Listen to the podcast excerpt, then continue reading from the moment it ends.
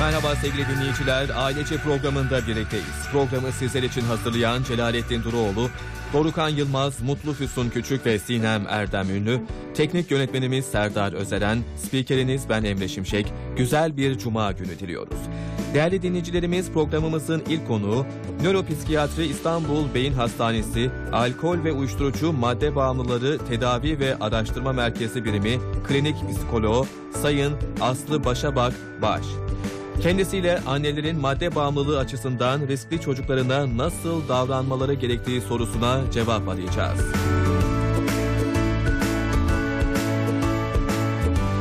Programımızın diğer konuğu Kadın Hakları Koruma Derneği Başkanı Sayın Engin Demir. Konuğumuzla derneğin kadınlara yönelik çalışmaları hakkında söyleşeceğiz. Programımızda her hafta olduğu gibi Fatih Özkılınç'ın hazırladığı Mutlaka izleyin köşemiz yer alacak. Herkes hazırsa ailece başlıyor.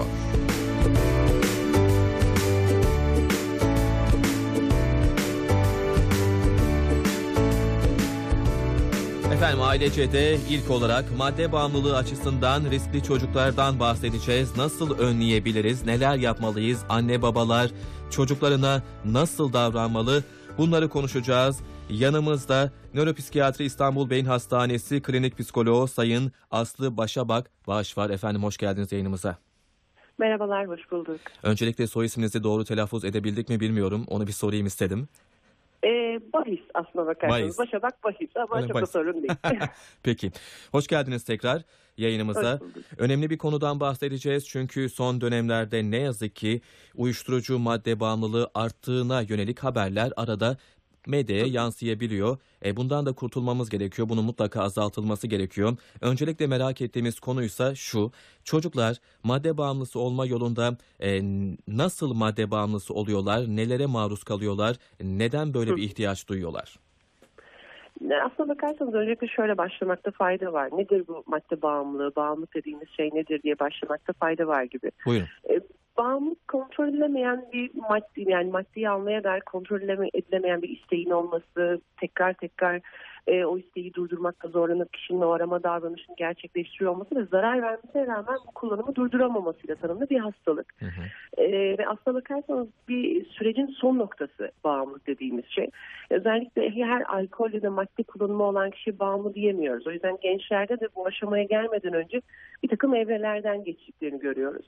Ee, örneğin e, ilk e, üç evreden evre olarak tanımlayabiliriz bu durumu ve ilk evre deneysel kullanım. Yani kişinin o merak etme, kendini test etme düşüncesiyle alkolün ve maddenin etkilerini deniyor olması ve e, o süre içerisinde o yaşadığı duygu durum değişikliklerinin hoşuna gittiği bir dönem diyebiliriz. Hı hı. Ardından bu çocuklar daha sık kullanıma geçiyorlar. Yani aslında o sosyal kullanım dediğimiz döneme geçiyorlar. İşte bu ayda bir gibi, iki haftada bir gibi sık aralıklarla kullanmaya başladıkları dönem.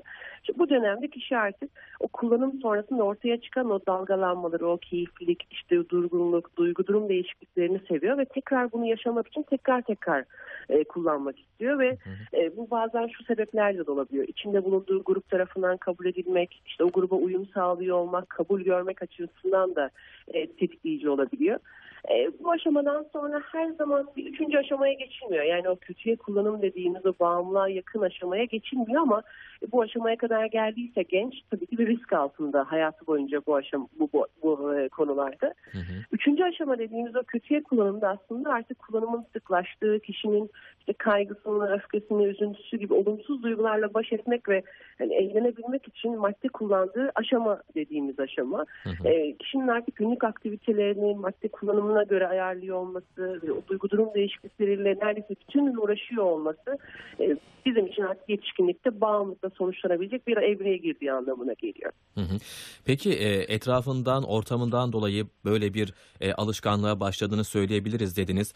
E, çocuklar, gençler neden arkadaşlarına hayır diyemiyorlar? E, bu tamamen aslında birbirinden farklı sebepler olabilir ama yapılan araştırmalara göre e, gençlerin en fazla merak duygusuyla madde kullanımı denediklerini. Yani acaba içersem nasıl bir etki yapar, neye sebep olur, ne, ne yaşarım gibi. Ardından daha çok sorunlara çözüm aramak ya da sorunlardan kaçmak için e, genellikle kullanmayı tercih ettiklerini. Sonrasında daha eğlenmek, beğeni toplamak, farklı görünmek, işte arkadaş baskısı sebebiyle kullandıkları gözlemleniyor.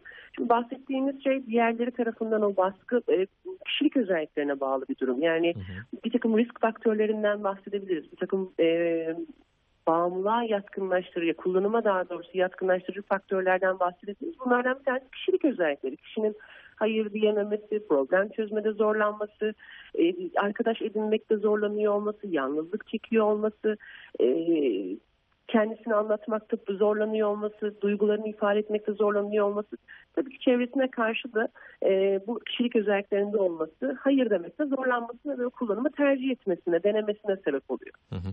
Peki hangi aile ilişkileri e, bu kullanıma yönlendiriyor? Nasıl ailelerde daha çok görülüyor bu tür e, durumlar?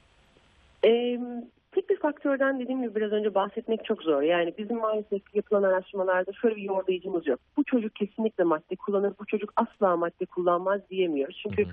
bağımlılık herkesin yaşayabileceği bir şey. Ee, Birçok faktörden etkilenen biyolojik, psikolojik ve sosyal bir hastalık. Hı hı. O yüzden e, nasıl çocuklardan hangi faktörler belki e, bağımlı olmaya itiyor ya da yönlendiriyor, sebep oluyor diyebiliriz. Hı hı. Bir kere öncelikle ailede kullanan birinin oluyor olması genetik faktör açısından bir yüklülük demektir ve riski arttıran bir durumdur. Evet. Aynı zamanda ebeveynlerin kullanıma dair olumlu bakışlarının olması yani alkol ve madde kullanımını olumlu karşılıyor olmaları yine çocuğun e, yönelmesinde etkili faktörlerden bir tanesi. Hı hı. Bir diğeri yine aileyle başlamışken aile içi iletişimlerinin zayıf olması, çocuk hayatı hakkında bilgisiz olmaları ailenin yine e, çocuğun e, dikkat eksikliğinin olması, hiperaktivitesinin olması, sabırsızlık gibi beklemekte zorlanmak gibi, öfke, kaygı gibi duygularını kontrol etmekte zorlanması, içe kapanık olması, heyecan ve risk arama davranışının olması yine e, şeyler arasında, risk faktörleri arasında. Hı hı. Yine aynı şekilde duygularını kontrol etmekte zorlanması, kullanan bir çevrede oluyor olması, hı hı. kullanılan bir ortamda, arkadaş grubunda olması, çok fazla uğraşının, hobisinin olmaması da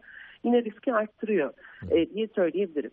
E, siz biraz bahsettiniz ama ben biraz daha konuyu açmak istiyorum. E, madde bağımlısı çocukları aileler nasıl anlayacaklar?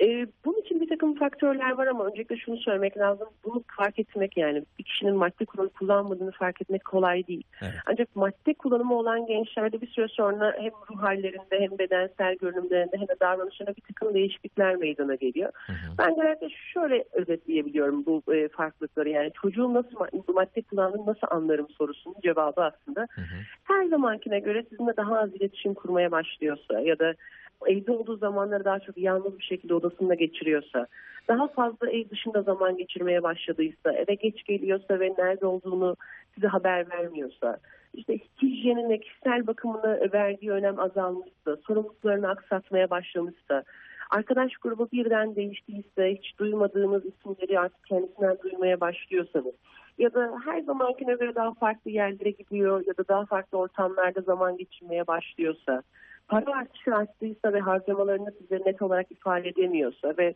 maddeyle ilgili olumlu düşünceler geliştirmeye başladıysa ve en önemlisi sık duygusal değişimler, iniş çıkışlar yaşıyorsa yani kimi zaman neşeli, kimi zaman sakin, kimi zaman öfkeli gibi e, duygulara sahipse o zaman madde kullanımından şüphelenebiliriz ama hemen arkasından şunu da söylüyorum genellikle ailelere. E, bunların bazıları ergenlik dönemi özellikleri. O yüzden somut kanıtlar olmadan çocuğun madde kullanımına dair suçlanıyor olması ilişkiyi bozabilir ve tehlikeli sonuçlara da sebep olabilir. O yüzden amacımız onu yakalamaktan çok ona destek olmak. O yüzden e, bu, bu, bu kriterlerden, bu belirtilerden bir ya da birkaçını görüyorsanız hemen e, evet sen madde kullanıyorsun ben biliyorum seni bir suçlamak yerine biraz daha e, detaylı takip etmek, biraz daha incelemek, bir uzmandan gerekirse destek alıyor olmakta fayda var. Evet. Peki e, çocuğumuzun madde bağımlısı olduğundan e, madde bağımlısı olduğundan şüphelenmeye başladık. Sonrasında aileler öncelikle ilk tepkileri nasıl olmalı sizce? Hı hı. E, şüpheyle aslına bakarsanız emin olmak arasında fark var. Evet dediğiniz çok doğru. Eğer şüpheleniyorsak kesinlikle bir uzmandan destek alıyor olmak, e, bir uzmanla birlikte bir plan yapıyor olmak, bir uzmana danışıyor olmak önemli. Çünkü burada atacağımız adım e, sürecin devamını da etkiliyor olacak. E, ayrıca eğer varsa bir madde kullanımı veya varsa diğer sorunlar açısından bir uzman tarafından değerlendiriliyor olmak, gerekli testlerin yapılıyor olması yine en akıllıcı yöntemlerden olacak. Bir diğeri e, eğer e, bu, bu süreçle ilgili olarak bir uzmana ulaşmak e, bizler için yani aile için zor olacaksa yapılabilecek şeylerden bir tanesi ebeveynlerin ortak bir dil kullanıyor olması ve bu dille birlikte çocukla bir konuşma yapmaları. Yani kullanım hakkında iyice bilgi sahibi olduktan sonra yani var mı yok mu ne kullanıyor kullanıyorsa ne kadar kullanıyor bu konularda emin olduktan sonra soğukkanlı bir şekilde çocukla konuşuyor olmak e, ve hani durum hakkında bilgi almakta fayda var. Hı hı. Ardından e, benim yine önerdiğim şeylerden bir tanesi burada çok yapılan hatalardan bir tanesi eğer e, çocuğun kullanımından şüpheleniyorsak ebeveynlerden bir tanesi genellikle diğerinden bunu gizleme eğiliminde olabiliyor. Yani evet. aman babası duymasın işler daha da karışır. Aman annesi öğrenmesin bu üzüntüye dayanamaz gibi. Maalesef ki gizlilik bağımlılığı besleyen bir durum. O yüzden de genellikle bizim önerdiğimiz şey gizlememek, bütün aile içerisinde bunu konuşuyor olmak ve neyse onu konuşuyor olmak. Yani o aşırı abartılı duygulardan, cezalandırmada, yargılama, işte eleştirme gibi duygulardan uzak olarak nedir durum, ee, ne var, ne yapabiliriz, planımız nedir, ee, neden bunu kullanmış olabilir, ne, ne ihtiyacı olmuş olabilir, ee, kullanım hakkında ne düşünüyor genç, bunu öğrenmeye çalışmak, onu anlamaya çalışmak ve çözüme yönelik bir destek alıyor olmak. Hı hı. Yine yapılabilecek şeylerden bir tanesi. Evet. Peki e, kesin bir tanı konuldu, konulduysa eğer madde bağımlısı olduğu e, yönünde gencin ya da çocuğun e, Allah muhafaza edelim bu arada sonrasında hı hı. hem ailenin hem de çocuğun nasıl bir psikolojik desteğe ihtiyacı oluyor hem çocuğa hem de aileye nasıl yaklaşmak gerekiyor?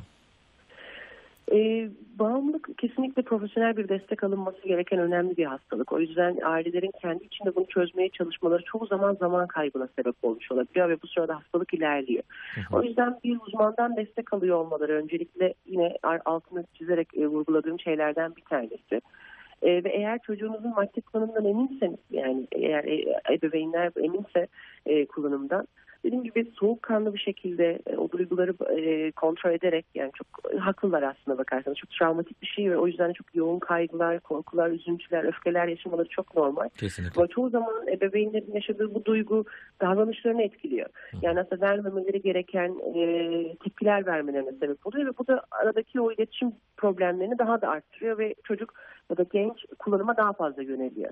O yüzden de bu yoğun duyguların e, etkisi önünde olmadan yani bu yoğun duyguları e, yaşarken değil de daha sakin oldukları, daha soğukkanlı oldukları zamanlarda konuşuyor olmak. Benim gibi onları anlamak ve bir destek alıyor olmakta fayda var. Hı hı. E, çoğu zaman gençler bu konuyla ilgili bir sorun olarak görmeyebilir ve bir destek almak istemeyebilirler. Böyle bir durumda benim önerim ebeveynlerin kendisinin gidiyor olması. İlla çocukların ya da gencin geliyor olması gerekmiyor.